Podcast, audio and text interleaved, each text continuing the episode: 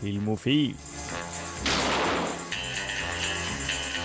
Studentradioens eget filmmagasin.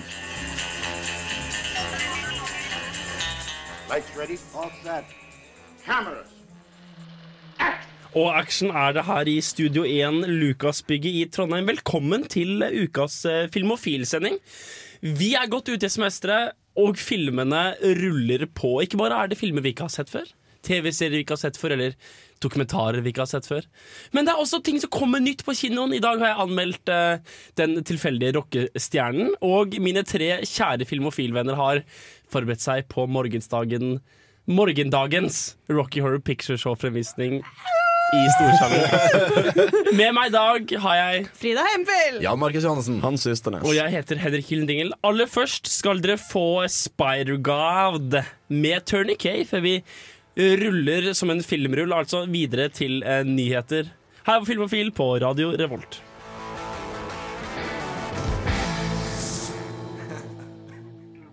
Frida Sveen Hempel, har du lyst til å inkludere oss i din uh, vidunderlige og fargefulle, emosjonelle verden av eh, filmtitting? Hva, hva har du gjort den siste uken?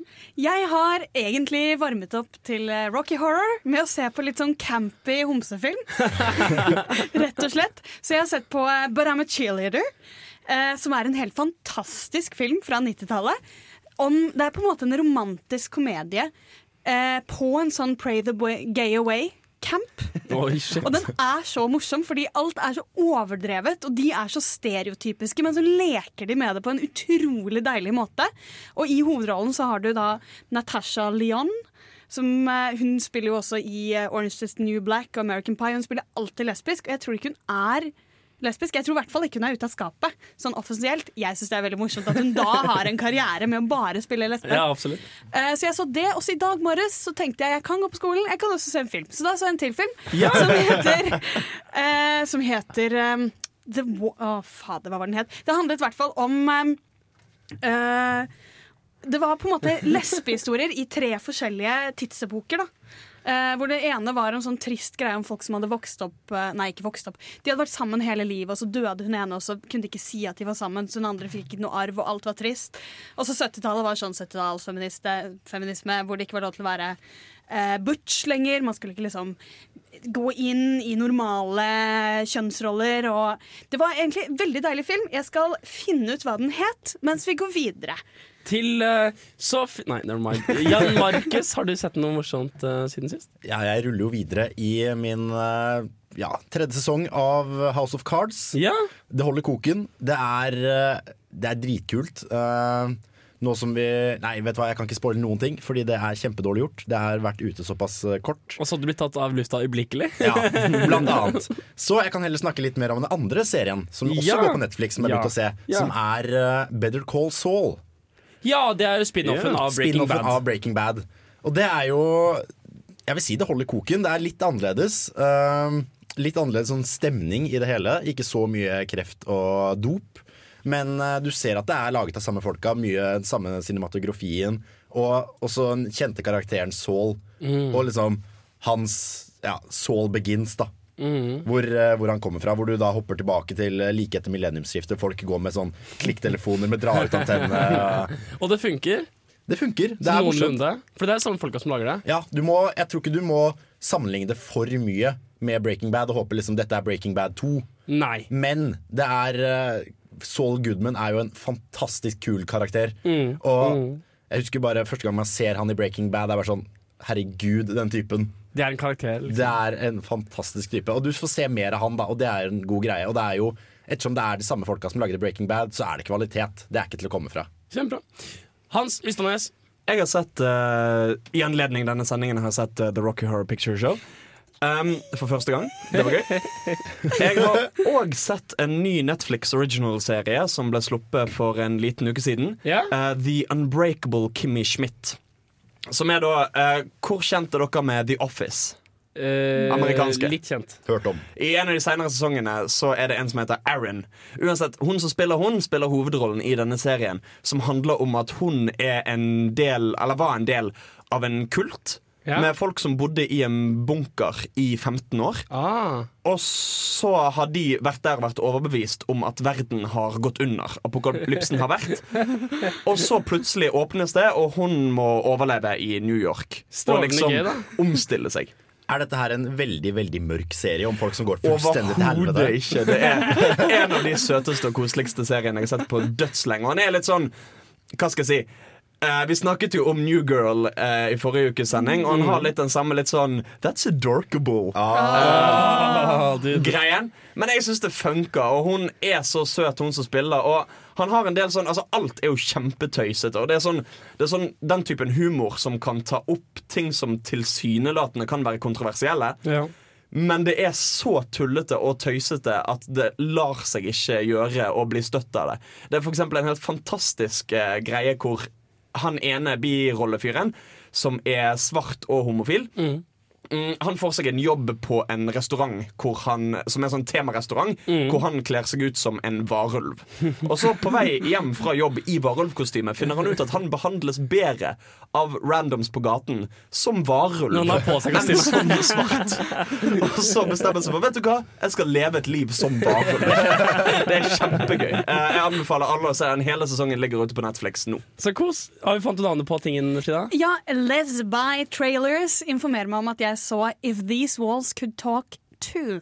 Så det er en Wow. oppfølger til en annen film er- som jeg åpenbart skal Det er en ener du kommer til å se snart. For å si det sånn. Ja! Er du Hva var det du kalte nettsiden?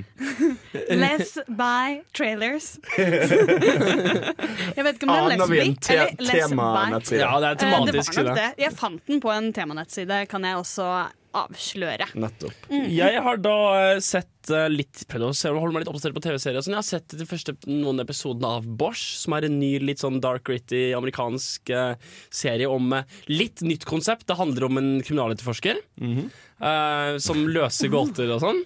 Og han er, han er litt sånn quirky type, da.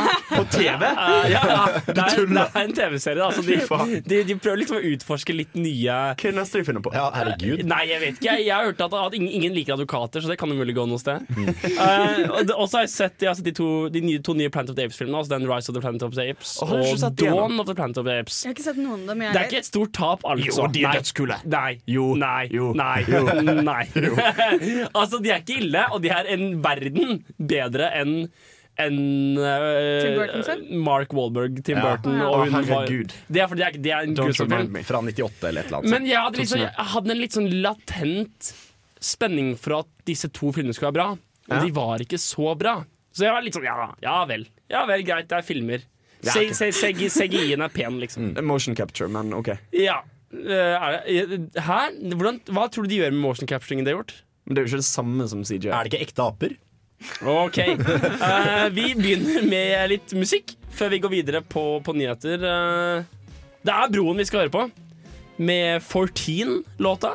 Det er 45 sekunder igjen av, eh, av, eh, av introen. For de som ikke syns jeg var den profesjonelle av eh, programlederne i Filmofil, så skal vi nå få til å høre Det er ingen som syns det. er 30 sekunder med stillhet. Er det faen meg det dere fortjener? Utakknemlig Nei, never mind. Så ellers, da? Ja, nei, det er fint vær for tiden. Er det det? Det har vært en nydelig dag i dag. I dag var det det har vært sol og nesten varmt, og våren kommer. Heldigvis er det mørkt nå, så vi ikke får dårlig samvittighet av å stå inne i studio. Ja, takk Kanskje er, kanskje vi skal begynne å ha sendinger ute? Live ute, liksom. Fy faen. Hadde det vært noe? Det hadde Jeg tror det blir høy solbrentfaktor da når vår bleikfeite hud møter eh, Nei, det fins sånne ting som parasoller og sånn. Du ser det for deg. Oss på en sykkel med mikrofon i midten og parasoll over. Ja! Ja. OK, låt. When I was at the age of 14, on the edge of a childhood.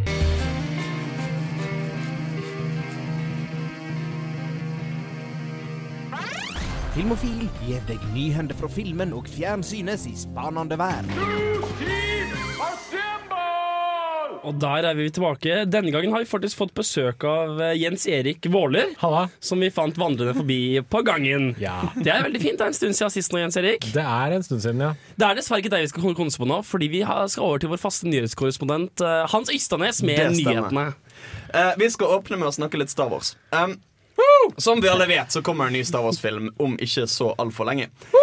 Det som er greien, og som de fleste òg sikkert har fått med meg med seg, er at den filmen skal foregå litt etter episode seks i, um, som ble sluppet for gud vet hvor mange år siden.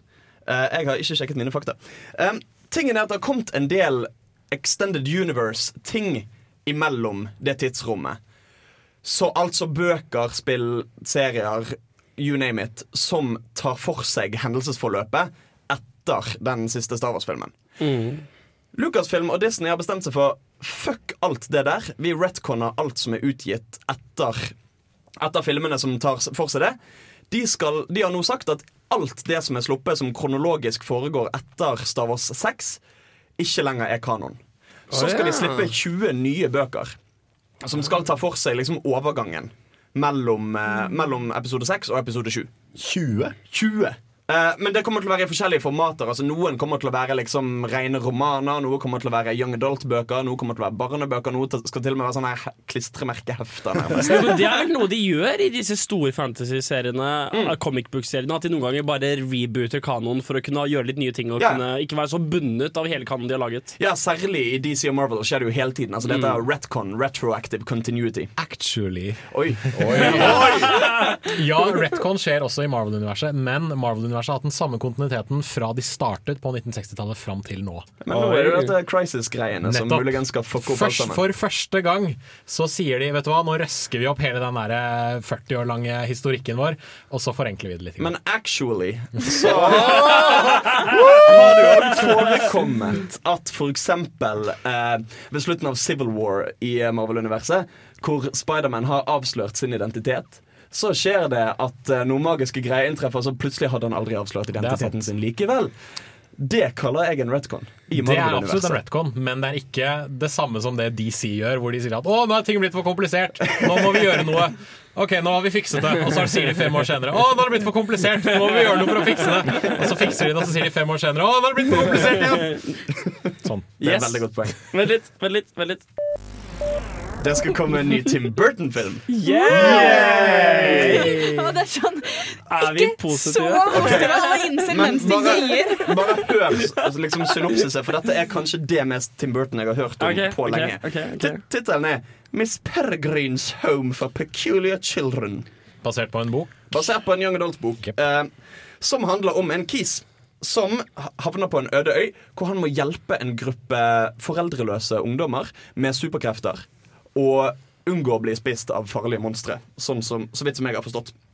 Er det med Johnny Depp og Helen Boe Carter? Foreløpig ikke. Uh, de som har blitt castet foreløpig, er Eva Green, um, Samuel L. Jackson, faktisk. Nice. Um, en kid som heter Asa Butterfield, som er kjent fra filmene Hugo og Enders Game. Han er flink, han. Uh, og en som heter Alison Janney, som ikke jeg kjenner til, men hun har spilt i West Wing, American Beauty og Juno. Hun er fantastisk. Hun er Det tror jeg på. fantastisk og er veldig, veldig, veldig, veldig flink til de rollene som fort kan bli litt pinlige. For hun spiller med veldig sånn gjennomførthet. Det, altså, det virker jo litt som Tim Burton har begynt å ta mobbingen seriøst. Yeah. Denne Big Eyes, som kommer nå snart, er jo faktisk da uten Johnny Depp og Helena Bon- Bonham Mm. Carter, og handler om denne, en kunstner, sånn kitsch-kunstner som tegner veldig sånn spesielle Og den er jo med Amy Adams og Christopher Walls. Oh, ja, okay. Altså, Wow. Den kommer veldig snart, eh, faktisk. Eh, så det virker som han har tatt litt innover seg sånn mm, Kanskje jeg har blitt Ja. Kanskje Alice i Eventyr til han gikk litt for langt. Han har gått litt til seg sjøl og Hvis bare pokker at den gjorde. Kanskje det er meg? Han går, rundt, han, han, går, han- går rundt i huset liksom Hva, hva er det for noe dette er? Og så ser han speilet og så bare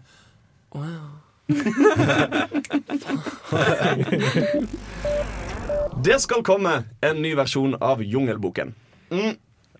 Er dette litt som at den der Beauty and the Beast blir gjenlaget? Jo, det er en del av Disney sin hele sånn Hei, dere vet de filmene vi tjente masse penger på? Vi lager det en til! Dette er en av grunnene til at de gjør det. At uh, disse godeste uh, patentene deres løper ut. Hvis de lager en ny Ah. film med samme estetikk, så har de fortsatt uh, copyright på estetikken. Disney er grove på det der, ass. Sånn Ja, de copyrights og sånn. Men eh, det er jo også litt sånn som eh, jeg føler de gjorde på rundt millennieskiftet. Da var det jo oppfølgere til alt. Det var 'Løvenes konge 2', og det var uh, Toy Story 2 og ja, masse Alt mulig. Alt mulig som var liksom Og nå har de begynt med en ny sånn herre la, ja, la oss lage en live action-versjon av det. Altså, jeg foretrekker reboots eller remakes fremfor sequence, sequencing. Altså Egentlig. etterfølgere. Ja. Jeg, jeg brukte engelske ord. ikke sant? Reboot, remake, sequencing. Men det som er interessant med Ja. denne filmen, Ja. er at den skal regisseres av ingen ringere enn Andy Serkis. Oi! Bedre kjent som Gollum. Bedre kjent som Cæsar fra Planet of the Apes. Bedre kjent som eh, second unit director til Hobbit-filmene. Ikke sant? Eh, en fryktelig, fryktelig fryktelig flink fyr Ja. som nå skal prøve seg på noe annet enn det han aldri kommer til å få anerkjennelse fra i de seriøse rekkene i Hollywood. Eh, han, altså Denne filmen skal da bli på en måte en blanding mellom live action og motion capture. Som jeg helt ærlig i utgangspunktet er litt skeptisk til, men hør for en rolleliste. I rollen som Shere Khan, Benedict Cumberbatch. Selvfølgelig. Stemmen, eller ja. Stemmen, ja. Eh, I rollen som Bagheera, Christian Bale. Uh, Andy Serkis skal sjøl spille Baloo. Selvfølgelig. Selvfølgelig. Den kunne jeg sett komme. Naomi Harris skal spille altså adoptivmoren til Mowgli, altså ulvemoren han ble opptatt hos. Mm. Og så er det en eller annen ukjent fyr som skal spille Mowgli. En eller annen liten sånn kid barneskuespillerfyr som heter Rohan Chand. Er han hvit, eller er han indisk? Han er brun. Han er indisk. Han er, han er etnisk. Han ser indisk ut. Tittelen gjør meg litt mer skeptisk. Okay. Filmen skal hete Jungle Book Origins. Så vi får se. Ja da, men du er som, som antakeligvis alltid optimistisk. Kjempe. Vi skal ta og høre litt låt nå med Beachheads, Get Away.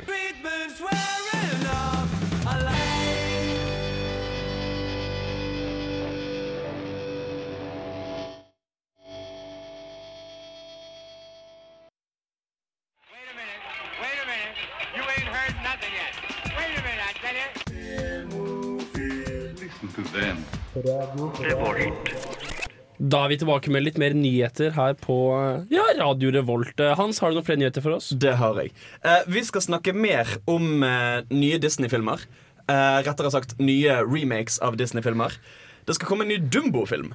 Som òg skal være en kombinasjon av live action og CGI. Seriøst. Tingen er at dette har fått en litt søt twist.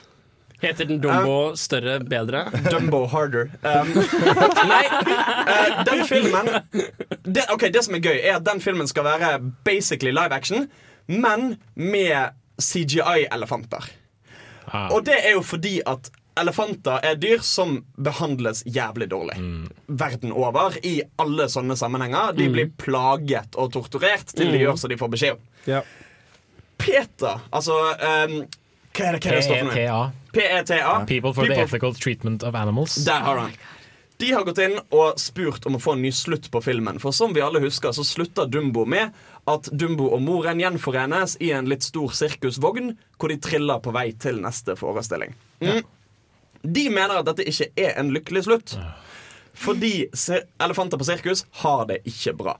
Og jeg er tilbøyelig med å være enig med dem. Jeg er Hadde det ikke vært en mer ekte lykkelig slutt hvis de ble løslatt i et reservat eller et eller annet sånt, som er det PETA-folkene har bedt om? Så du vil si at Peta adresserer elefanten i rommet? Oi! Å, herregud! Skal vi bare gi oss der? Hva, er klokka? Det er halv ni snart. Det er litt tidlig å gi seg for i dag, tenker jeg. Jeg tror vi går videre. Peta, Peta dreper sånn 94% av alle dyrene de redder. Men jeg Jo. kommer denne nye live action Dumbo-filmen til å være like kjip og deprimerende som den originale Dumbo? Ble ikke du glad av Pink Elephants on Parade? Jo, den er kjempemorsom, men altså, ærlig talt, Dumbo varer én time, og du griner fra første minutt. Altså, altså tingen er at Filmen skal regisseres av Tim Burton. Oi! Og skrives av en fyr som heter Aaron Kruger. Oh. Ja. For du vet hva han har lagd før? Ja, Da er det det vet jeg. Hvem har han lagd før? før, Skrik-trilogien, blant annet. Og uh, han har vært med å lage Creek. Transformers. Har han også vært med på Jeg tror Aaron Kruger hadde noe med Dawson's Creek å gjøre. Dette kan gå veldig mange veier. Ja. Jeg forholder meg avholdende. Så en litt koselig historie som òg handler om dyrevelferd. Det er en fyr som prøver å lage en dokumentar som heter 52 The Search for the Loneliest Whale. Å nei, å nei, å nei! å nei. Det er så trist. Dette er en dokumentar som skal ta for seg um, en type hvaler, eller det er vel kanskje ett individ, som driver med sånn hvalsang på 52 hertz, som er så dypt at andre hvaler ikke hører han. Oh. Ergo er Det den ensomste ensomste Det er én hval. Sant? Så Det er ingen Hei, folkens! Hvor er dere? Hvor er dere? Og så er det ingen som hører. Helt stille. Altså, mente du å kanalisere Sid fra istiden her? Sånn? Jeg, Det var ikke intensjonelt. Hver gang jeg hører ham på radioen, så tenker jeg Er det, er det Sid, eller er det bare vanlig? Det som er greien er at Det er litt sånn miljøbudskap i denne filmen Fordi at en mistenker at grunnen til at denne hvalen og andre av samme hvalsort sliter med å finne hverandre Pga. at det er så mye industrielle greier som foregår i havet, at lydforurensning fører til at de ikke hører hverandre. Oi. Denne filmen sleit med finansieringen sin. Og de prøvde seg på en kickstarter-kampanje. De hadde jævlig mange backers, men de hadde ikke nok. Inntil Leonardo fuckings DiCaprio backet de med 50 000 dollar. Og Sweet. de ble reddet. Sweet. Det er ikke en solskinnshistorie. Det er kjempebra jobba. Det skal komme en ny webserie av ingen ringere enn Nathan Fillion Woo! og Alan Alan Tudyk. Conman! Ikke sant? Fordi Convention Man sounds too boring.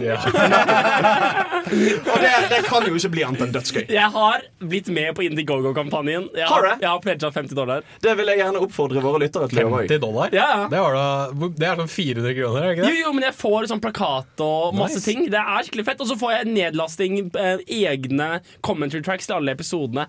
Altså, Men jeg, jeg elsker Alan Tidok. Jeg har aldri sett noe jeg ikke elsket han i. Kan ikke du forklare hva dette er? Conmen er grei Altså, når, når Alan Tidok og Nathan Fillion og resten av crewet Hvem fra er de to? Fire, Når resten av crewet fra Firefly uh, er en, Firefly er en, er en TV-serie fra, to, eh, fra når? Eh, 2002 til 2003. Jeg føler at den som faktisk har en egen podkast der han eh, diskuterer seg gjennom samtlige episoder av Firefly, nesten burde ta over på det tidspunktet. Det er det er det som har det? Det er er meg. da Jens, Jens Erik sesongarbeiderne, google det. Du finner det på radcrew.net. Sier det bare. Uh, Firefly var en science fiction-serie fra 2002 til 2003. Handlet om eh, et mannskap på et skip i en uh, fjern fremtid, fem, ca. 500 år framover i tid, der western og science fiction var liksom slått sammen. Uh, Conmen handler om en fyr som spilles av Alan Tudyk, som en gang spilte sidekicken i en uh, forholdsvis populær science fiction-serie som dessverre ble tatt av plakaten etter kun altfor få episoder. Nathan Fillion spiller fyren som uh, også spilte i denne serien, som nå har blitt stor filmstjerne. Så jeg, føler, jeg aner at det er sånn kommentarer på liksom virkeligheten i alt dette her. Da. Litt og, og, og, og greia litt Når de var på cons i begynnelsen av tida, så la de merke til at, at, at fansa var ikke det merkelige med disse comic-conene, med disse conene de var på, disse conventionene de var på. Det merkelige var ikke fansa, fordi fansa var bare elskelige og entusiastiske og oppmerksomme og deltakende. Det merkelige var det weirde tingene som skjedde rundt. Så de har laget en liten serie rundt det, da, som nå driver og Og de, det var en, en, en million eller noe var vel grensa for å lage noe som helst, og nå er de på 1,7 eller noe. Ja, for det som er viktig å huske, er at denne crowdfundes. Ja, Indiegogo. Nettopp. Og vi nærmer oss preteritum. Den er, eller p- perfektum. Den har nå blitt ja. crowdfundet. Ja. Så De bra. har fått Absolutt. pengene den vil ha. Vi skal som alltid ha Fifty Shades of Grey-nyheter. Jeg burde bare gitt meg. Vet dere hvor mye penger Fifty Shades of Grey-filmen tjente? Altfor mye. Alle pengene i verden. Så, altså til i dag, eller til sist gang de telte, så har den tjent inn 550 millioner dollar. Kan jeg spå det nå med en gang? Fifty Shades Origins. Um, det som er greien, er Det kommer jo at to skal oppfølgere, da. Det kommer to oppfølgere, eller det kommer i hvert fall én. Heter de 51 og 52 Shades of Grey? De heter vel Fifty Shades Darker og Fifty Shades Freed. Å, Åh, du vet alt det der så fort. Ja, selvfølgelig. Wikipedia, Henrik. Han så ikke mye på Wikipedia! Han har lest alle bøkene og Nei da. Nei, jeg, jeg, jeg begynte Liten avsporing. Jeg begynte på Fifty Sh- Fifty Shades of Grey. Kom til den første sexscenen. Bare sånn, Dette er ikke gøy på noen som helst måte. Jeg gir meg. Uh, Du ga deg i sexscenen, altså. I sex, halvveis. Wow. Uh, første pupp ble nevnt, og jeg ga meg. Mm. Tingen er at De som spiller hovedrollene i filmen, uh, Dakota Johnson og Jamie Dornan, de fikk betalt 250 000 dollar hver for filmen. Pluss uh, box office-bonuser, alt etter hvor mye filmen tjente. De syns ikke det var nok. Nei, men 250 000 dollar er ikke så mye for en Ja, men storfilm. profitt. Ja, ja, ja, ja. Så de har gått ut og sagt at de kommer ikke til å bli med på neste med mindre de får minst sjusifrede beløp hver. Men Det er franchisen og ikke de som gjør det til en Men det er, film. ikke, det er jo ikke rart at de sier akkurat det, for de to uh, ha, A hater uh, filmene de har laget sammen. Selvfølgelig. Uh, B hater historien, og C hater hverandre. Liker de ikke Og hverandre? D de hater å spille inn sexscener med hverandre. Hun syns at han lukter vondt, og han syns at hun er skikkelig blærete. Og det, er, ja, de, det, er et, det er en clusterfuck av dimensjoner som er kjempemorsom. Rett og slett. Eh, og eh, de to liker bare ikke hverandre i det hele tatt. Nei, det ser, det ser jo generelt dårlig ut, for nå har jo E.L. James også gått ut og kritisert eh, hvordan filmen har vært. Hun har vært jævlig irritert for hvor lite kreativ kontroll hun fikk over filmen og over manuset. De fleste vil hevde at kanskje hun ikke burde ha noen Nei, kreativ kontroll. Eh, hun er uenig. Eh, så det ser mørkt ut for Fifty Shades of Grey 2, men han kommer nok. Ja, ja, ja, nei, men da beveger oss etter hvert ut av nyhetene. Det er på tide å høre en ny låt her med Panda Panda. What Are You Waiting For er låta her på, på Radio Revolt på Filmofil. Håper du koser deg. Jeg har vært på kino og sett uh, um, Den tilfeldige rockestjerne. Og etter fem minutter, gjett hvem som tra traslet inn. Yay! Frida ble med å se. Hun har, hun har skrevet en liten anmeldelse til, eh, til dusken.no. Ja. Og den kan dere gå inn og trykke og se og lese Når den kommer ut på som ikke ennå. Det Ikke er- ennå. Det, Det vi får se når de slipper meg ut. Eh, det kommer an på. Jeg er veldig dårlig til å skrive rettskrivning, så det kan ta litt tid. Det kan ta litt litt å gå på stein og sko. Åh, fuck you.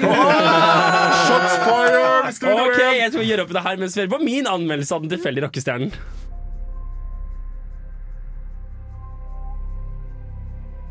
Igor Devold begynte å følge Kaizers Orkestra i 2010 og er regissøren av det nyeste innslaget i historien om bandet, Den tilfeldige rockestjerne.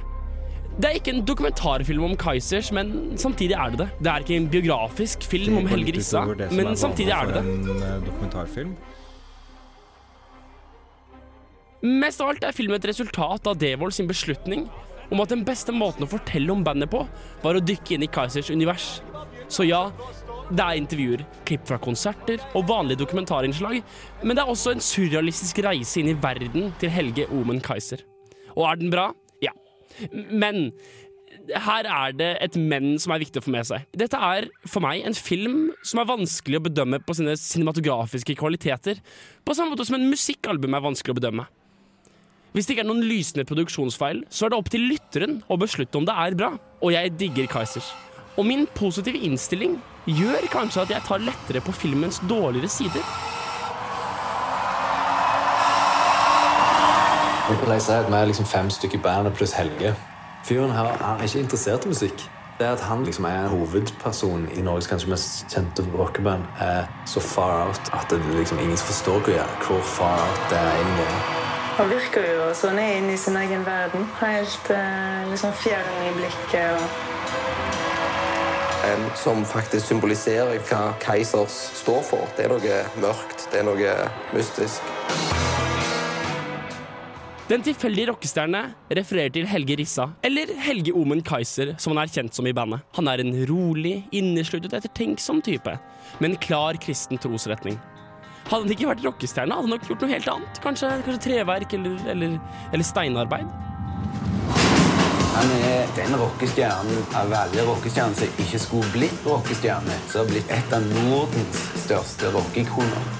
Vi får se hvor forskjellig han er fra resten av bandet, og får også en vinkling på bandet og rockelivet gjennom hans blikk. Men hans store forskjellighet fra resten av medlemmene er ikke den eneste grunnen til at vi fokuserer på ham. Han representerer også kulturen som er Kaizers, merkeligheten og mystikken. Det er han som går ut på scenen med gassmaske og koffert, han som spiller orgel og trekkspill. Det var han som skrev Bastard, som i sin tid viste Kaizers hvordan de fikk responsen fra publikum de ønsket seg. Helge Omen Rissa manifesterer hva Kaizers Orkestra handler om. He's not fully human, you could say. It's like the band found this this guy who's really good at the pump organ, and they needed him, so they brought him along. But um, no one really gets why he does what he does. Filmen veksler mellom den ekte verden gjennom dokumentaren og en dramatisering av forskjellige scener Kaizers har skapt opp gjennom diskografien sin. Dette er med en del overlapp, Og vi får se intervjuer på skjermer i fantasiverden, eller fantasiverden på skjermer i den ekte verden. Det gjør den filmatografisk interessant, og gjør det spennende å følge med på dokumentaren i seg selv. Men fantasiene går noen ganger litt sakte for min smak, og jeg tenkte flere ganger at dette hadde vært kjedelig om jeg ikke hadde gledet meg til flere dokumentarklipp. Men kjedelig blir det altså ikke. Det var vellaget og velregissert, med fantastiske konsertklipp og fascinerende intervjuer. Jeg lærte mer om Kaizers, deres kultur og deres motivasjon. Dette er en film som gjør det litt mer greit, litt mer forståelig at Kaizers har gitt seg for denne gang. Hvis du liker Kaizers eller norsk musikkhistorie, er dette en film du må se.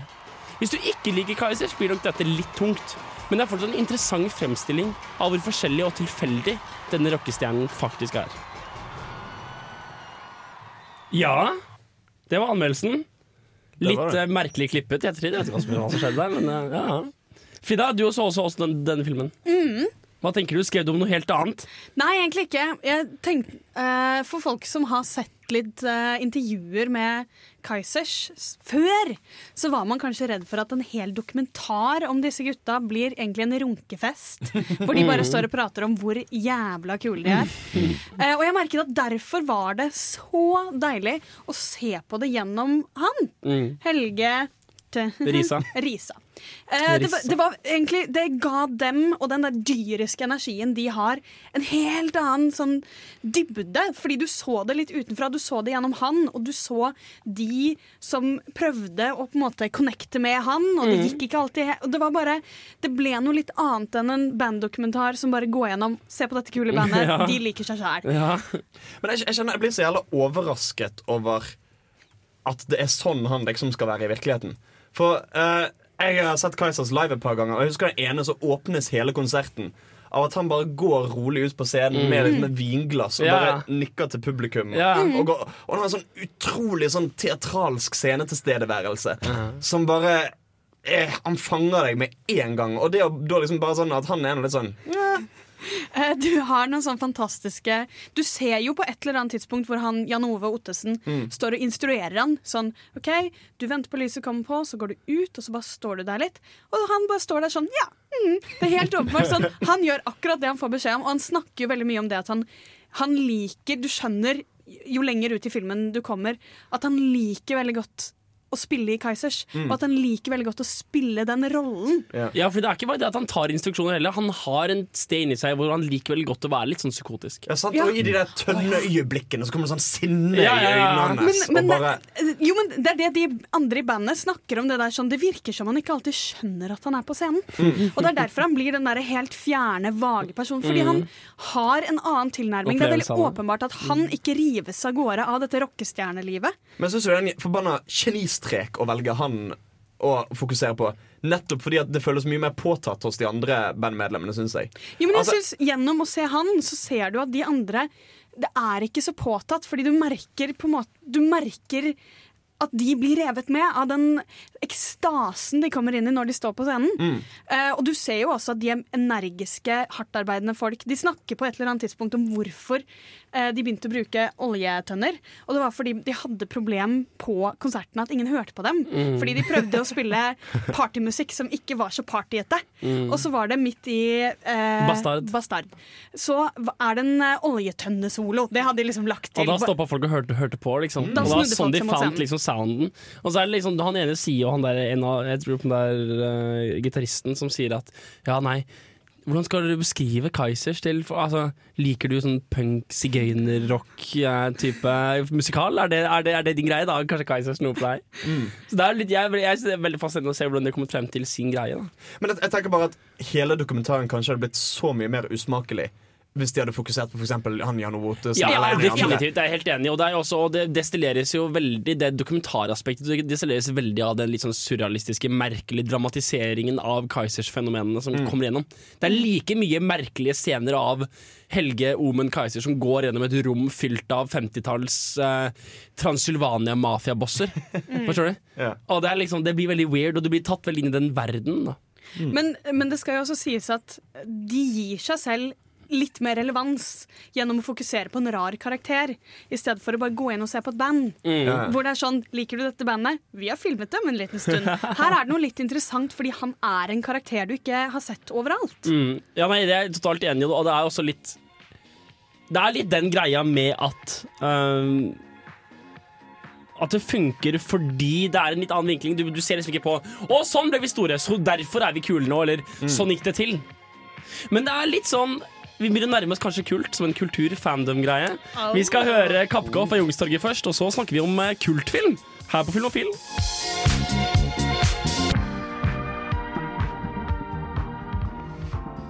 Da danser vi oss inn i uh, kultfilm som et uh, tema. Spesielt Frida, hvis du å danse bort mikrofonen, så kan du uh, fortelle oss hva kultfilm er som et tema. Ja, hva det er som et tema, takk. Nå trodde jeg du skulle si hva kultfilm er, for vi kan egentlig starte med å si at det er det ingen som vet. Uh, helt. Det vi kommer tilbake til hva kultfilm er. Det er en time innan Vi er vel kanskje litt uenige. Vi er faktisk ganske uenige. Vi kan avsløre det med en gang. Men, Spoiler. eh, men vi skal da snakke om um, om kultfilm siden i morgen. Viser de Rocky Horror Picture Show på Samfunnet. Og det kommer vi så litt til litt etterpå, for det var ukas hjemmelekse. Yep, så den skal vi gå litt i dybden på eh, og snakke litt om og hva den er. Men kultfilm er på en måte en spesiell type film hvor innholdet, sjangeren, er ikke det som definerer det. Det er mer alt rundt det. Mm. Så det har veldig med publikum å gjøre. Hva som blir en kultfilm. Det er ofte litt dårlige filmer. Jeg kan gå så langt som å si det. Jo, altså, det, er, det er i hvert fall ikke filmer som på en måte sikter etter å være filmatografisk historie. Nei. Det er filmer som sikter etter å gjøre noe annet. Veldig. Men det er jo ofte filmer som eh, som, som er veldig rare, men Ja. som har en eller annen slags kraft bak seg. Ja, ja. Altså For eksempel The Room, som er en forbanna merkelig merkelig film, men hvor du merker at her ligger det en film med en visjon bak. Er ikke det kåret som flere ganger til verdens verste film noensinne? Jo, men det er jo samtidig en av verdens mest elskede filmer. Ja, det- ja, den er vel en av de filmene som altså Det er jo ofte filmer som ses fordi de er dårlige, eller setter ord på noe. Eh, en subkultur er det jo aller mest. At den klarer å artikulere noe en subkultur Ja, driver med. Og dermed blir det en sånn følgerskare rundt filmen pga. hva den er, ikke hva den inneholder. Like mye. Ja, for det er noen kilometer med ironisk distanse mellom publikum og den filmen. Ja, The Room. Ja, det, det kan man si. Men til gjengjeld så må jeg si at jeg har stått i en timeslang kø for å se The Room, da Tommy Wiseaus eh, mesterverk. Eh, og jeg kom ikke inn, for det var for lang kø. Hvor da? Det var på Roskilde. Oh, ja. Eh, og det var kø langt av gårde. Og jeg kom bare ikke inn. Jeg fikk ikke se den. Altså, jeg, jeg, jeg tenker jo at store store booms i, altså, i markedet, f.eks. mobiltelefoner eller spillere, hvilket som helst forbruksmarked som finnes, så vil store, store markedsbølger vil komme av at et nytt produkt utnytter en subkultur. Ok, Det er en liten nisje av folk, og så lager du et produkt for dem som blir dritpopulært, og så kommer majoriteten og blir med på det også. Etterpå. At Først så blir det en liten greie som treffer en liten bit og tenker at det er dritbra, og så blir det en stor greie. Og litt på samme måte så er kultfilm noe som sikter seg inn mot en subkultur, og så blir det dritbra og blir gjort stort, og flere folk kommer til og flere folk kommer til det. I motsetning til å lage en film som er siktet på massene fra før av. Kan vi kanskje si at det var litt det som skjedde med Firefly? Ja, jeg, det må jo At, nesten at være når det. det gikk på TV, så var det en gruppe nerder som bare sånn Ja, hvorfor, hardcore, hvorfor er vi liksom. de eneste som ser på dette? Ja. Og så skapte de en jævla stor subkultur med det. Og med internett så klarte de å nå ut til at navnet no, har blitt veldig Ja. household. eh, Og det var jo stort nok til at de faktisk lagde en film etterpå. Mm. Fordi det var såpass stor interesse for det. Det er også litt sånn som med f.eks. musikkultur, og da egentlig spesielt også som du snakket om Kaizers. Mm. Der er det jo Én ting er liksom sitte og høre på musikken hjemme, Mm. men det å på en måte være en Kaizers-fan Det innebærer jo en slags identitet Ja, og et fellesskap. Og sånne ting Og det ved å f.eks. være fan av eh, Rocky Horror Picture Show eller Mm. Firefly, da vet du litt sånn hva slags eh, tilskuerskare du hører til, og hva du kan forvente av de andre. Det er et godt poeng. Det er identitet. På, tror- samme, på samme som man kunne være turbojugend Mm. Hvis man var turboneger-fan, så er det, det kommer en identitet med en, med en kultfenomen. Og det er jo ofte litt interessant at uh, veldig mye kultobjekter da, er ting som i utgangspunktet var v- floppet. Som det gikk skikkelig skikkelig ræva med. Og så har du en gruppe da konsumenter som tar det tilbake. Mm. Og er sånn, dette var den ræva, Dere tjener ikke noe penger på det. Dere har kanskje til og med gitt opp liksom, rettigheten deres på det, så vi kan ta det tilbake og Mm. bruke det. Så det blir en sånn antikonsumerisme noen ganger. Noen ganger, Ja, ikke alltid. for eksempel Clerks ble jo en stor film etter at den kom på VHS. Ja, ikke sant? Men det er kanskje derfor det heter kultfilm, rett og slett. Det er Fordi- kulturskapende Nei, nei, kult som i sekt. Å ja, takk. Som i det at du Alle blir på det som kulturfilm, at det skapte en kultur. Oh, ja. men, men sektfilm, det er bedre. Okay, ja, men jeg er ganske sikker på at det Ja, det det er- mener. stemmer mye bedre enn det jeg trodde. Eh, og at- nettopp det at du blir med i en kultur, du blir med i en gjeng med liksom en slags homogen eh, oppførsel når en ser disse filmene. Ja, Skal vi ta og høre en låt? Dere får eh, Walter TV med Surf Metal her på Filmofil. Lik oss på Facebook, da.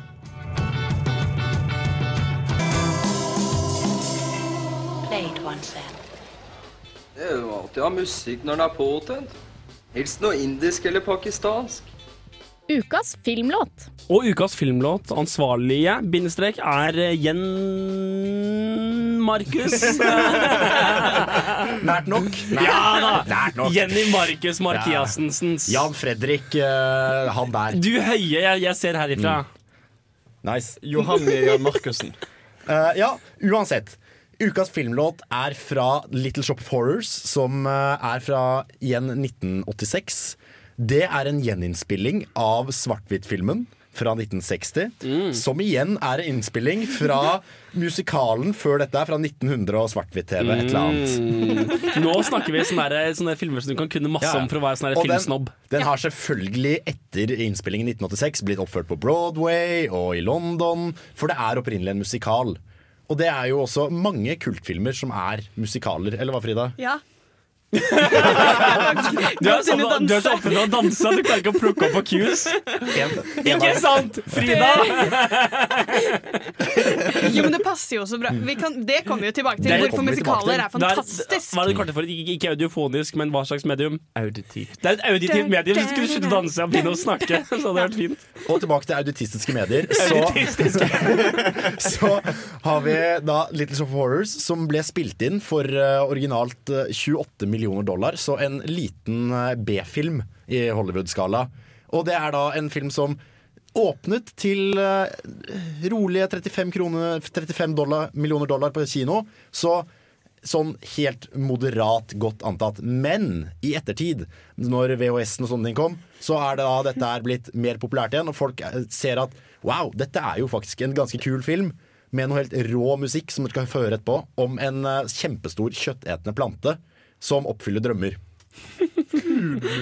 Feed me, Seymour! Og dette er da en film som har fått en eh, tilhengerskare, og som sagt blitt satt opp igjen på musikaler. Og blitt, hatt visninger, sånn særegne visninger på kino, hvor publikum kler seg ut som Seymour og som planter og som folk fra denne Little Shop of Horrors. Dette er en film som får tre og en halv stjerner av Roger Ebert. Roger Ebert Ja, Den er vel 6,9 eller noe på IMDb. Og 90 på Rotten Tomatoes. Jeg syns vi i Filmofil, som egentlig er litt sånn wannabe-hipsters, eller er for noen av oss uh, bør begynne å, begynne, å, skal begynne å referere masse, sånne, masse ratings sånn hele tida. Mm. VG ga den seks, Dagbladet ga den fem, Aftenposten ga den fem. sånn herregud. Vi skal ha en låt. Det skal vi. Hvilken låt da? Det er Feed Me med denne planten som heter eh, ja, stor kjøttetende plante. Og som eh, sier da at for å kunne hjelpe Seymour, så trenger han det Han heter Audrey 2. Eh, så trenger han eh, mer mat, og, og, og Seymour har matet denne med blodet sitt. Og yeah. han trenger nå mer enn bare blodet til Seymour, og dette synger han om. Does it have to be human? Does it have to be mine? Det var altså låten fra Little Shop of Horrors med Feed Me. Ja, det ble kultfilm. Det ble kultfilm, og derfra så må vi jo gå videre til Rocky Horror. Det er Rocky Horror vi skulle til nå. Nei, egentlig ikke. Selv om du er jo, du er jo du er på, det skal sies. For Frida, jeg, jeg har et spørsmål. Og kultfilm, som eh, Wikipedia definerer det, er jo en film som er gjenstand for stor interesse og dyrkelse av en bestemt krets av personer på grunnlag av dens kvaliteter osv. Vil ikke en stor eh, gruppe personer som dyrker en film, innebære f.eks. Ringenes herre eller Nei, Harry nei, Potter? nei, for det må være en subkultur. Hva betyr, hva betyr det? Saksfuckingsopplysning. Er du klar over at det fins slott som er utleid til at kids reiser på Harry Potter-leir og kler seg ut i kostymer og leker rumpeldunk? Hvis ikke og det er en subkultur? påtar seg uh, alternative identiteter. Altså De kaller seg selv for uh, Romanda Swilverbottom. uh, som er en 14 år gammel utvekslingsstudent fra Romania som uh, liker å drive med potions og hekseri og sånn. Det Er er det en en enorm subkultur.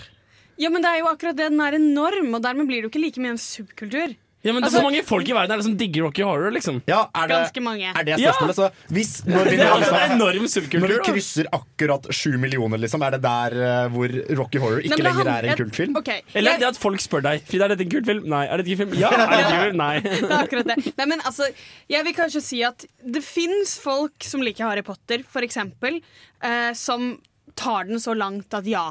Da blir det kanskje reaksjonært, men det må være å ta avstand til det mainstream er like viktig som at det skal være adskilt. Ah, så en kultfilm skal være reaksjonært til det mainstreame? Ja. Og, det, og, og, og, alle, Ja. og alle, folka som har, alle folka som har startet Wolfpacks i amerikanske høyskoler fordi de skal være en del av teen, eh, faen Twilight og alle de tingene. Det er ikke, det er ikke Jo, men, en kultur, en altså- kulturgreie? Til- Jo, det blir jo selvfølgelig en slags flytende overgang her for å ta Twilight. Nei, nei, sort og hvitt, Frida! Sort og hvitt! Jo, men eh, det blir kanskje Du kan jo si at de prøver å ta tilbake Twilight, men Twilight er fortsatt mainstream. Det er eid av de store selskapene. Det er fortsatt en stor gruppe ungdom som liker det. Det er ikke alle som går dit at de blir ulver, men de klarer ikke ta nok avstand fra dem, da. Og i hvert fall etter min mening, så hvis man skal snakke om kultfilm som et fenomen, så må man på en måte begrense det til de som liker filmen litt alene. Og, og alle andre blir litt sånn Hm, denne, denne rare filmen dere har hengt dere opp i, vi ser ikke appellen. Ja, ok, Så en fandom av en genre eller en forfatter som blir til en filmserie, sånn som Harry Potter, det er fandom. Mens kult-following det er én film som gjorde én ting. Eventuelt en seriefilm, sånn som Clerks. Ja, du har jo, så det du prøver å si her er at litt at hvis, hvis folk enten liker det eller ikke liker det, men ikke noe sånn mellomting, så er det ja, det er greit. For jeg tror det er veldig få som ser på Rocky Horror Picture Show og tenker ja, men det er en film jeg kanskje ser en gang til. Ja, det er en elsk-hat-film, ja. ja. For det er enten sånn uh, det var en jævlig sær film, og den trenger jeg aldri se igjen i hele mitt liv, eller det er bare sånn OK, dette er kult, Uh, nå må vi kle oss ut. Altså, Jeg vil jo kanskje påstå at det er tidsbestemt. At i dag Det kommer aldri til å komme en ny kultfilm. Eh, per din definisjon. Fordi dette er jo et produkt av noe som var mulig når VHS var liksom den store distribusjonsgreien for små filmer. Eh, eller når det kun var når en eller annen filmklubb hadde en eller annen screening av en film de fant på et støvet loft som så noe jævla lettis ut. Eh, I dag så er det jo sånn at alt deles med alle. Mm. Hvis du finner en eller annen jævla tidig film, så har sannsynligvis alle sett den. Hvis jeg går på IMDb og sier jeg skal se Ant Farm Dickhole, så sier alle kjøpmennene ja, det er lettest så jeg har sett IMDb-siden. Altså, det er ingenting som er uoppdaget lenger. Det er ingenting som har denne lille fanbasen som er så innbitt opptatt som du vil ha det til. Og jeg føler litt til en viss grad Altså, Jeg syns Rocky Horror var kjempegøy. Jeg syns Little Shop of Horrors kjempegøy. Um, men jeg føler til en viss grad at når en gjør sånne ting i dag, så blir det litt sånn Nå skal vi oppføre oss sånn som vi har hørt om at andre oppførte seg eh, en gang på 90-tallet, når eh, de så dette. Ja. Altså, jeg vil jo kanskje nesten gå så langt som å si at de ikke er like kultfilmer lenger, fordi vi har tilgang på dem. Ja, men er Jo, det et døende begrep? Ja, det, det tror jeg faktisk på. Det kan det godt være. Den typen subkulturer begynner jo å forsvinne. Fordi man får ikke ha ting så alene lenger. Og alt er jo blitt så tilgjengelig. Du kan jo finne hva som helst. Altså, det tok meg fem minutter å finne en måte å se Rocky Horror Picture Show Og så er det jo sider laget spesifikt for å plukke opp sånne ting. Som Ja, der, er, og så blir det markedet med en gang, fordi folk er interessert i å monetise monetisere monet Ja, i hvert fall tjene altså, penger du, har jo, folk som liksom går ut og bare sånn Jeg skal se noe litt rart og utilgjengelig noe. Ja, og Netflix, Og da Netflix har en egen greie. Og, da, og da finner du til og med lister sånn 20 best movies you've never heard about. Ja, akkurat. uh, og så plutselig så har alle hørt om de. Jeg vet ikke, det, det er jo en liten kult rundt sånne altså, Jeg vet ikke om det er kult, da. Hva- Men altså, masse sivinger jeg vet om, digger den filmen uh, Primer. Ja. Og det er jo ikke noe kult rundt det, Fordi ingen gidder Nei. å liksom Nei, sant. late som om de er fem minutter frem i fremtiden. Okay, eller noe. så, men vi har en kult igjen. My Little Pony. Bronies Det en vil jeg si er en kult. Ikke nødvendigvis. Ikke nødvendigvis. Det er mye seksuelle Nei, det er mer ryktene som går om dem. Vi misliker brownies. Eh, og de får faktisk ha sin måte å se på My Little, Pony, My Little Pony for seg selv, fordi vi andre misliker dem. Og de er jo på en måte eneste gruppen som fortsatt blir sett på da som seksuelle avvikere. Eh, så kanskje det er framtiden til kultfilm. Du må bare bli må kjent være- for å være ekkel. Det må være tabu ved det. Jo, men Det er jo veldig de samme tendensene. Eh, det at du har en gjeng med mennesker som ser en film som på en måte, Tenk at de ser den. Eh, og så Det finnes jo hele sånn conventions dedikert til My Little Pony. Og furry og alt mulig rart sånne ting. Ja, De er- ja, men ja, jeg- det er jeg to er- forskjellige ting. Ja, det synes det er er to urettferdig forskjellige ting, men sammenligning. ja, greit. Never mind. Greit. Det er litt Men, sånn dypt men det er jo morsomt, fordi dette her er jo eh, Vi skal jo da komme tilbake til Rocky Horror Picture Show. Jeg har kanskje foregrepet litt at vi skal snakke om den, men dette her er jo ting som ble sagt om den nå. Eh, den handler jo om eh, Altså Seksuelle devianter, jeg vet ikke. Ja. Avvikere, som det heter. Avvikere. Og, og på 70-tallet så var jo det helt reelt. Mhm. Folk, folk syns jo denne filmen var Ja, ok. Så da har, vi fordi nesten, da har vi nesten kommet fram til en litt ny ting, da, nemlig at kultfilm skal helst være tabu. Det Ja, skal det- helst ja. være en økende, fan, en økende intens fanskare for et tabuemne. Hmm. Kanskje vi er inne på Og det er jo i hvert fall litt Da har man jo litt verdien i det derfra også, fordi de nettopp griper tak i noe ikke alle kan snakke om, og begynner å utvikle det, og så vokser det ut av dimensjoner. Apropos vokser ut av dimensjoner. eh, vi skal snakke om Rocky Horror Picture Show om et lite øyeblikk. Aller først skal dere få lov til å høre Incubus med Absolution Calling. Jeg håper du er klar til å begynne å planlegge kostymet, for i morgen så er det Rocky Horror Picture Show. Det er det også rett etter denne låta på Filmofil.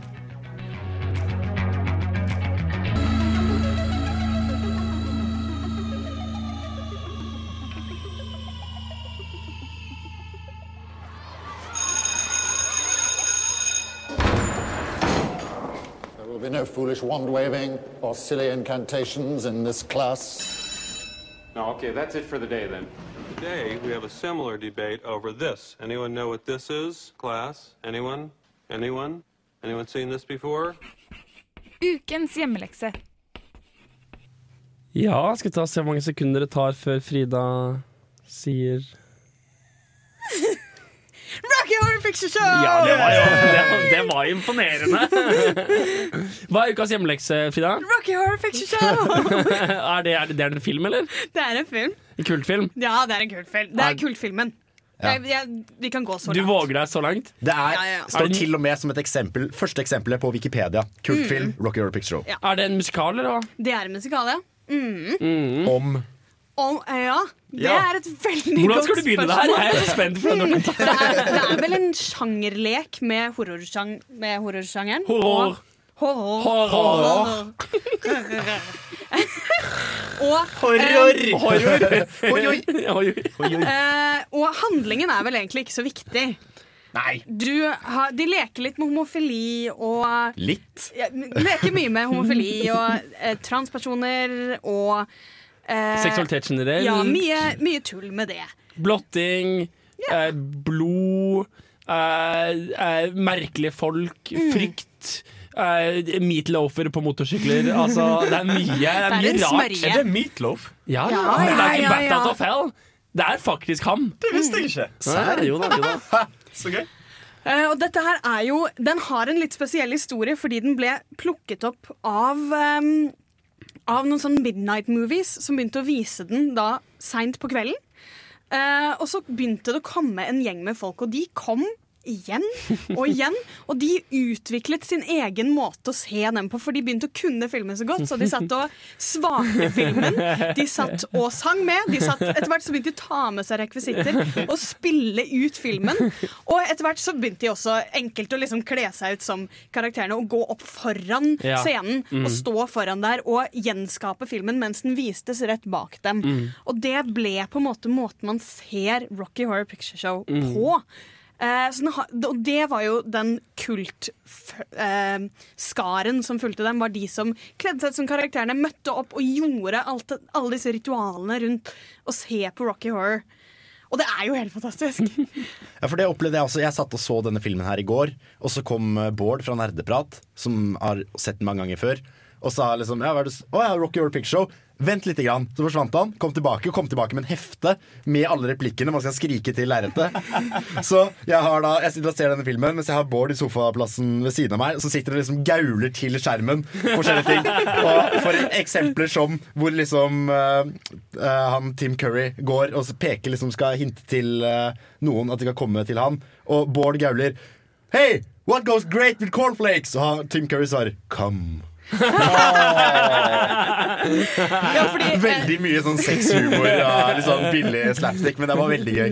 men, men det er jo eh, sånn man gjør det nå, når vi skal se den. Vi som ikke er del av den originale gjengen som har sett alt Mm. og kan improvisere ut. Så på Samfunnet så deler de jo f.eks. ut deltakermanus. Og, eh, og en del rekvisitter. Nei, du må ha med selv. Får du ikke utdelt en, noe sånn ris eller Nei, det får du. Ja. Nei, nei, jeg mener det må du ha med, tror Ah, jeg. Jeg tror jeg hadde med en pose med ris Ja, i fjor. Ta med du, så har du dobbelt opp. Det jeg syns er veldig morsomt med dette deltakermanuset, er at de liksom prøver å gjøre alle spøkene seksuelle i en film som i utgangspunktet kun har sexvitser.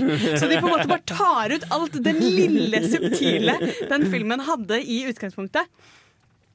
Eh, Men altså det som er grunnen til at jeg er så gira at jeg ikke helt vet hvor jeg skal gjøre av meg, Mm. er jo fordi det er en sånn annen måte å se på film.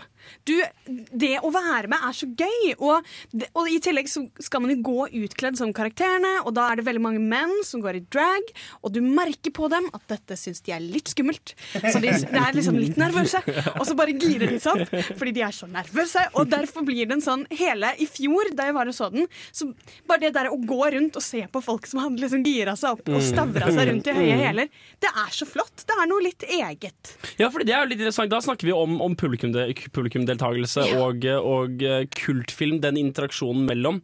Det er interessant nok eh, eh, tema for neste prat etter at vi skal høre en låt. Eh, låten vi skal høre, er jo da passende nok Sweet Transvestite! fra Rock Your Picture Show. So I'll remove the cause. but not the symptom.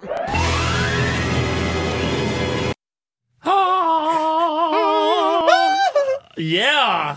Ja, det, det, blir- det blir fort litt dansintel igjen der. Fordi det er altså En ting er jo kultfollowingen rundt det, og hvor stort det har blitt fordi det er gøy å delta i det. Fordi du, er, du kan bli en del av kultbevegelsen, veldig populariserte kultbevegelsen, og så ha det dritfett, og at det blir på en måte en slags eh, sektaktig opplevelse. Men det andre, andre ting er at det er en utrolig kul film. Den låta her er dritfett. Ah, øh, jeg var veldig gira mens din, mens spilte. Jeg husker at jeg uh, eh, har sett Sound of Music et par ganger i løpet av min oppvekst, men den mest minneverdige visningen var på uh, Er det en kultfilm? Ja, det vil jeg si at det er. Det var, eh, det var, det var oppmøte på Cinemateket, eller hva faen det heter, i Oslo. Uh, kino et eller annet, et eller annet teatret, te, te, kinoteatret, tror jeg, langs en av parallellgatene til Karl Johans gate. Uh, og der var det, fikk utdelt manus, det var masse folk som hadde kledd seg ut, og så sang alle med på alle låtene. Ja, fordi musikaler pass, låner seg jo sykt godt til å være med på. For man kan liksom syng, synge med og danse litt. Jeg vet ikke helt om jeg er med på Sound of Music. Jeg vil bare også legge til det. Men uh, Men når vi snakker om publikumdeltakelse, da, dere flisespikende jævler Jeg jeg skal ikke begynne å krangle. Okay, Hva var det du hadde lyst til å snakke om da publikumdeltakelse? jo, nei, men altså, det blir jo noe helt annet. Jeg syns det er så, tilbake for, for den eh, oppmerksomme lytter som har hørt på flere sendinger når vi snakket om 3D-film.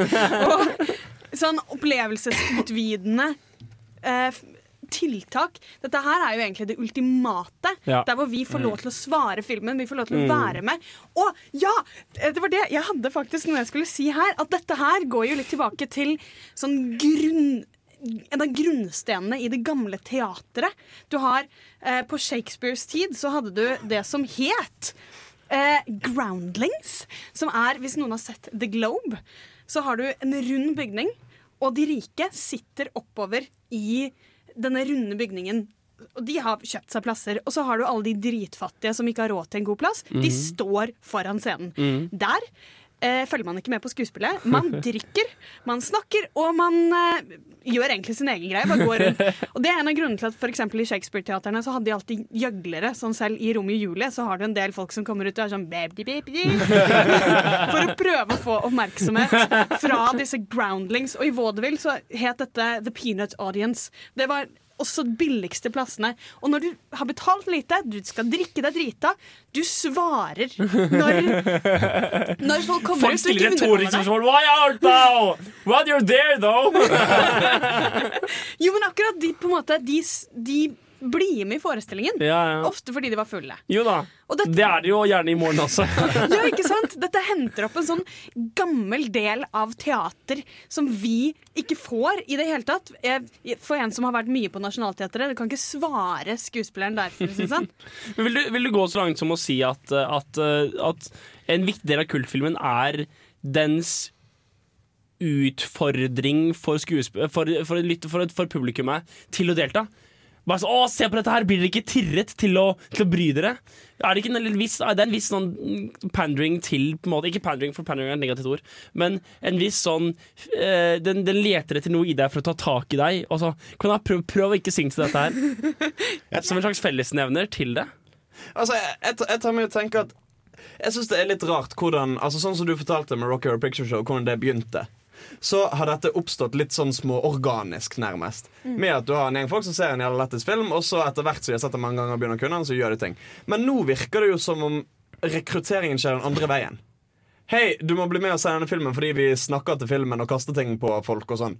Ja, og så er det en film da som er ganske artig. At det på en måte går motsatt vei. At Der en først så en jævla lættis film, og så begynte å delta, så begynner en nå å delta, og så Oi, faen, jeg har sett en film. Ja, det, er, det er kulten som drar, ikke filmen, liksom. Ja, men, jeg, men jeg tror det er derfor vi stikker og ser den, fordi nettopp den kultopplevelsen er så jævlig gøy. Det er så morsomt å svare filmer. Og det er så sjelden vi får Altså, Den gir deg et rom hvor du får lov, selv om du ikke var med i den organiske gjengen som gikk og så den hele tiden, og lagde sin egen, eh, sitt eget rituale rundt hvordan man skal se den, så kan du nå, når du går og ser Rocky Horror Picture Show, så vet du at det er det du får.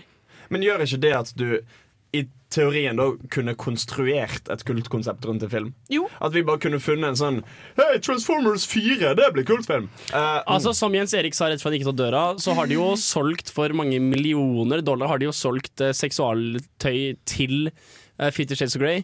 Og antallet kvinner som har møtt opp for å bokstavelig talt pule seg selv mens de ser på filmen på kino, er jo det er jo nesten et tilfelle da, at de oppfordrer til kultaktiviteter. Det satt en del middelaldrende kvinner bak meg når jeg var på pressevisning på den. Uh, de fniste en del. Ja, Fniste de så mye at de de riste fniste på det? Så- De ristet de de Nei, ok. eh, så- Men jo, jeg, jo, men jeg tror det at det gir deg Jeg tror ikke egentlig hvilken vei det går. Du må jo tro på at det er autentisk. Jo, jo, Mister de ikke autentisiteten sin i det at det går den veien? Ja, At de sikter på det? At, at de sikter rett på deltakelsen, og ikke på filmen i seg sjøl? Altså, kunne en ikke da bare lagd et konsept med en hvilken som helst film? Nå skal vi se Robin Hood. eh, og så skal alle sammen Åh, ja, det digget gjøre å- ditten og datten. Ja, jo, men, det ja, hadde men jeg kunne bare lagd en sånn ting. Det er jo en liten indie-film med Neil Patrick Harris som heter Dr. Evils Singalong-blogg. Web, webseries, men Ja, uansett. Den, er ikke det en sånn slags outreach til å prøve å få til et slags kultfenomen? For det har jo blitt en sånn greie hvor folk er sånn Ja, kult! Ukjent. Singalong-blogg. Ja, men da er vi litt mer tilbake på fandom versus, versus uh, kult-tilfelle, fordi det er jo Altså den Dr. Uh, Horribles singalong-blogg med liksom Nathan Film og NPH uh, og den ble jo laget Felicia Day, blant annet. Ja, ja, og den ble, den ble produsert av han derre som lagde Joss Whedon. Ja.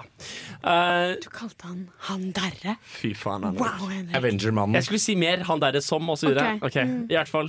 Uh, og det er jo da Det er veldig siktet på den generasjonen con, folk som går på con, som går på Comic-Con og sånn. Det er jo de som liksom antakeligvis er målgruppen for det. Og hvis de der lagde en Colt-type aktivitet rundt det, så ville det jo fortsatt ha vært fandom, ville det ikke det? For det er konstruert? Det er, nei, nei, ja, nei, fordi hvis vi definerte tidligere at, at kult er noe som utfordrer et tabu og treffer en subkultur som gjør det til noe stort. Ikke sant? Det er et tabu, det treffer en liten gruppe mennesker som gjør det stort. Så gjelder jo ikke det med den Dr. Horrible Singalong-blogg, Fordi det er, en, det er ikke tabu, for det første. Og for det andre så treffer det en veldig stor gruppe med folk. Men med den logikken, eh, hvordan passer The Room inn der? Fordi Eh, den er så ræva, det er tabu. Altså, jo, men jeg tror jeg, Den på en måte fungerer jo ikke uten at det hadde vært verdens dårligste film. Man hadde jo ikke sett den hvis den hadde fungert. Jo, men Der sa du i hvert fall en slags skulle jeg si, hva skal jeg si, eh, inflasjon av genuinitet. Um, hvor for eksempel, Har dere sett Sharknado? Ja. Ikke gøy. Nei. Og ikke, ikke, ikke gøy på den måten heller. For det er sånn, her har ikke de prøvd engang. Ja, nei, det er, det er ikke da- gøy på noen måte, nei. Og, ja, men Da ser du at det er blitt, det er blitt en business rundt dette. Mm. Altså, altså I motsetning til Birdemic, i motsetning til Politiskolen 15, Ja. i motsetning til uh, The Room. Så har de siktet på å lage en film som er kjempedårlig og, og ufrivillig morsom. på en måte Og, men der er vi tilbake på at det er vanskelig å lage en kultfilm i dag, fordi alt vil bli gjort Alt vil bli markedsført på en Ja, eller annen folk måte. er så bevisste på det. Mm. Jo, men litt av det som gjør sånn The Room og Birdemic, er jo at de er, altså, de er så dårlige og de er arrogante nok til å prøve å selge den allikevel. Arroganse er en annen ting. Ja, du, skal være, du, skal, du må være ganske genuin for at det skal kunne bli en kultfilm. Nei men, nei, men jeg tror det er den arrogansen i at de tror på den, sin egen film. Hvis man har hørt Tommy Wiseau oh, ja, sånn, snakke Ja, om The Room, han mener det. Og det er noe med det at det er sånn deilig å le av hvor ræva den er. Fordi han, han tror på det, og det er det Sharknado for eksempel faller helt gjennom. For det er ingen som står bak den og selger sjela si. Vi skal ta og høre Reggie Got Beats med Jealousy før vi beveger oss videre til kultserier her eh, på radio. Dette er rett og slett radio er det du hører på.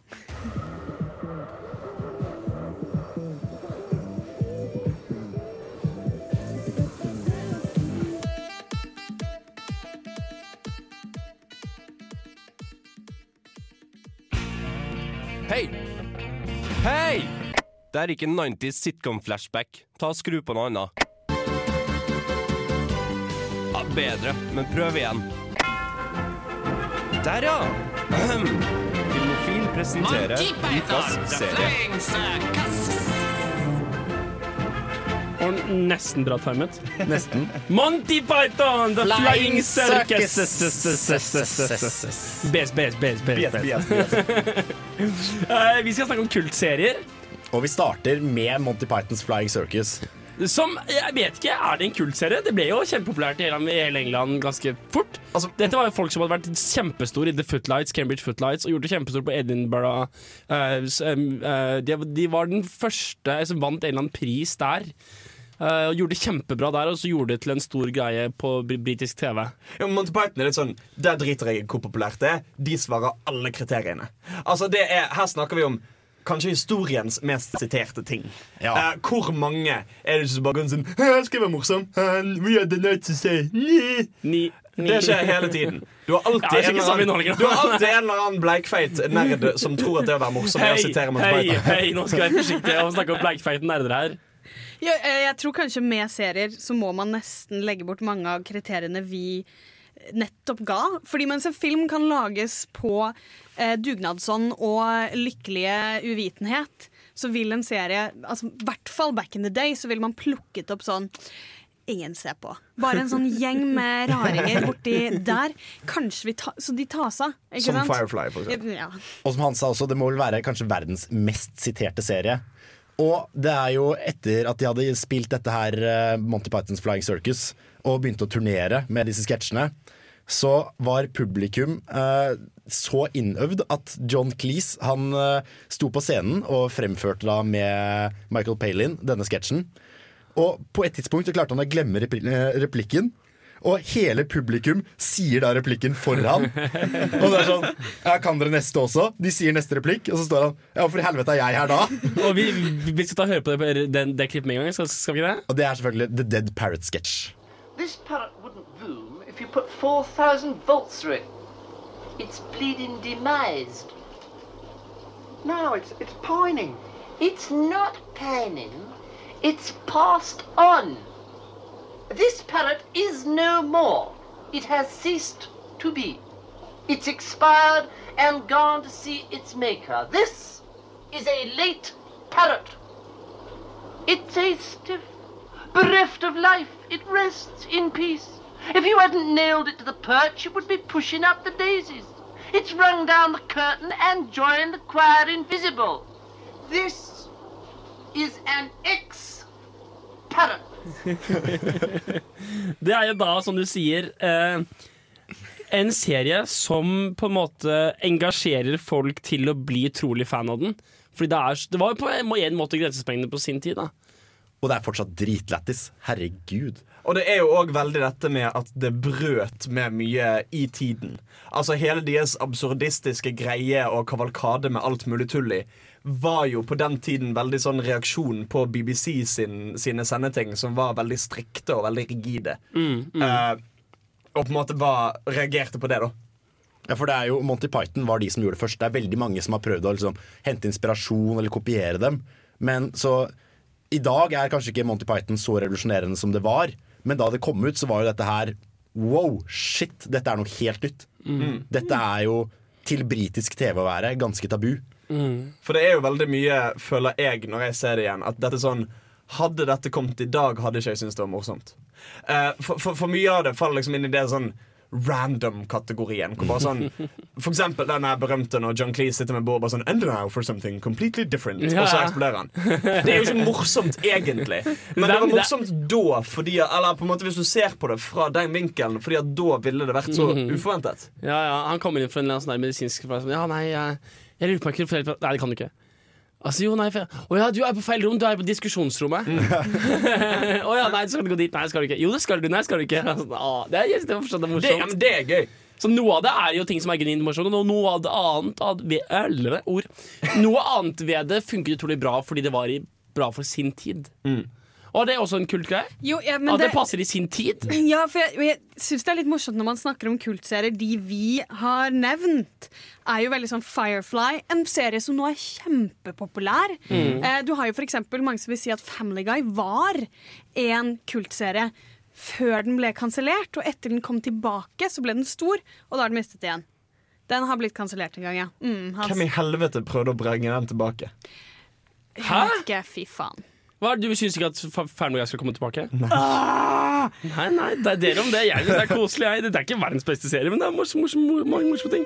Bedre enn uh, South Park, i, i hvert fall. Nei!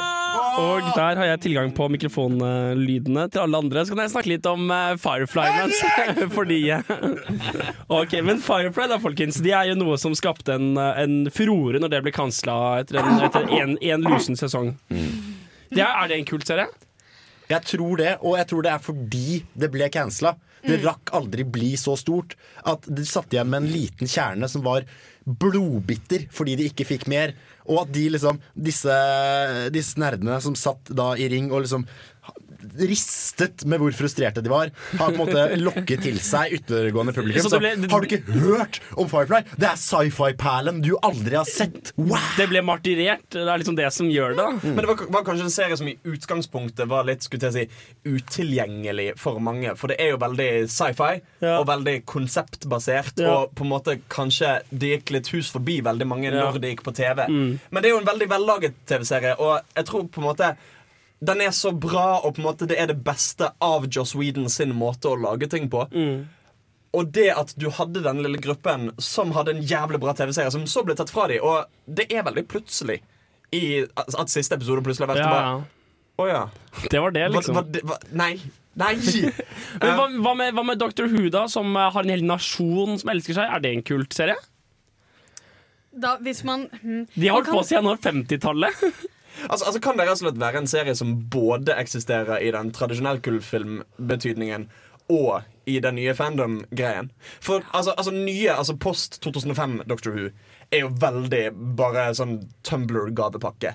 Eh, med liksom med, med gifs og med hele den pakken. Og bare sånn I love Matt Smith, I'm gonna marry you. Um, men den, jeg vil si at den opprinnelige Doctor Who Det er mer for nerdene. Altså De som gidder å grave, grave dypt i det. Ja, for det var, de, Nå, gikk ja. ikke, de gikk ikke for de beste spesialeffektene. noe som helst Det var litt quirky, det var litt engelsk og det var litt sånn der, ja, ja, det får vi til å måte. Vi vil lager si en lyd. Ja. Bare på en god måte. Det var jo ikke en kultserie da den gikk på britisk TV. Altså, Den gikk jo 20 år, så den må jo åpenbart ha hatt nok. Men for oss nå så vil tidlig Doctor Who være litt sånn kultgreie. Ja, Mm. Fordi, ja, jeg ser ikke gjennom 20 år med Doctor Who. Og det var jo et barneprogram. Uh, ja, What? det må vi si. Var det det? Ja, ja. Jeg trodde det var kjempeseriøst. Nei, nei, nei, nei. Det var mange voksne som så det også, da, men det var liksom ikke siktet mot en voksen audience. Det var siktet mot en all ages Ja, sant. audience. Og da gjerne folk typ sånn eh, si 10 til 14. Ja, ja. Eh, så ikke et direkte barneprogram, men Så, så Dr. Who er vi litt usikre på. Uh, Buffy, da. Vi nevnte Buffy. Buffy, Var det en kultserie? Kan, men kan, kan, kan noen gi meg en ordentlig kultserie? Twilight Zone. eh, eh, Twin Peaks. Men de blir for store. Twin Etter- Peaks, Litt kanskje? som det vi snakker Etter våre, det vi har klart å snakke oss fram til, så blir det nok vanskelig for en sånn type TV-serie å overleve lenge nok. Kanskje nettet blir stedet der vi kan finne noe sånn. Men det at det skal være for få, gjør jo at de tar seg av TV-en.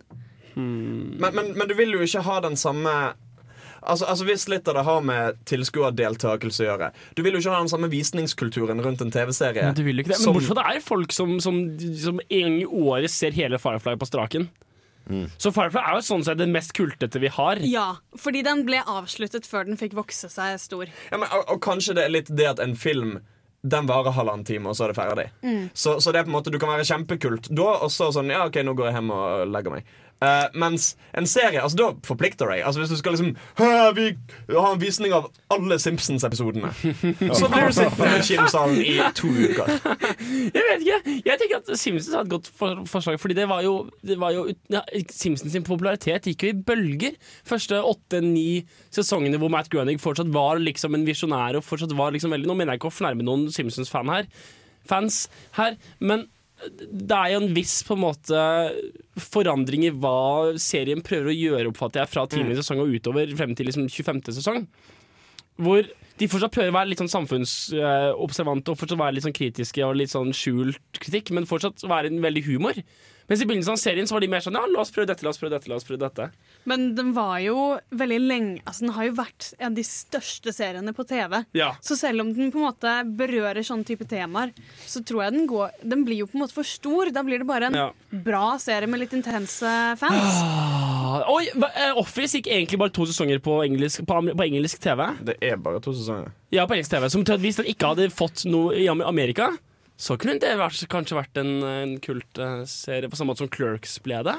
Altså Han har jo blitt gjenskapt i veldig mange land.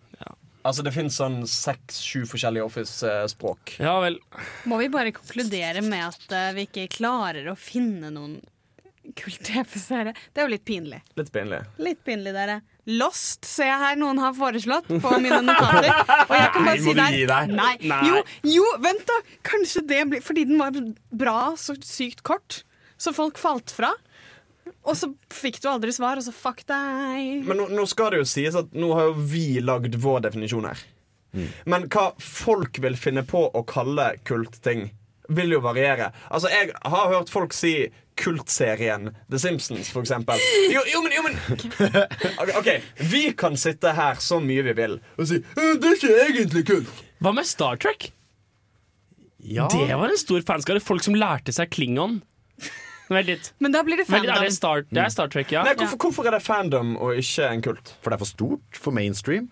Ja, hvis, hvis, det, Det er jo hvis litt man skal tabu- ta med den ja, Det blir på en måte Det kan kanskje være at faktisk Star Trek, like- fordi den var så intens før på en måte Det er jo like kult som My Little Pony. Ja, den med My Little Pony! Det Der har vi det. var da, okay, vi, sier, vi, sier, eh, vi sier Star Trek og eh, My Little Pony og går takknemlig til låt. Det blir Warp Riders og Tea Party with Demons her på tampen av dagens Filmofil.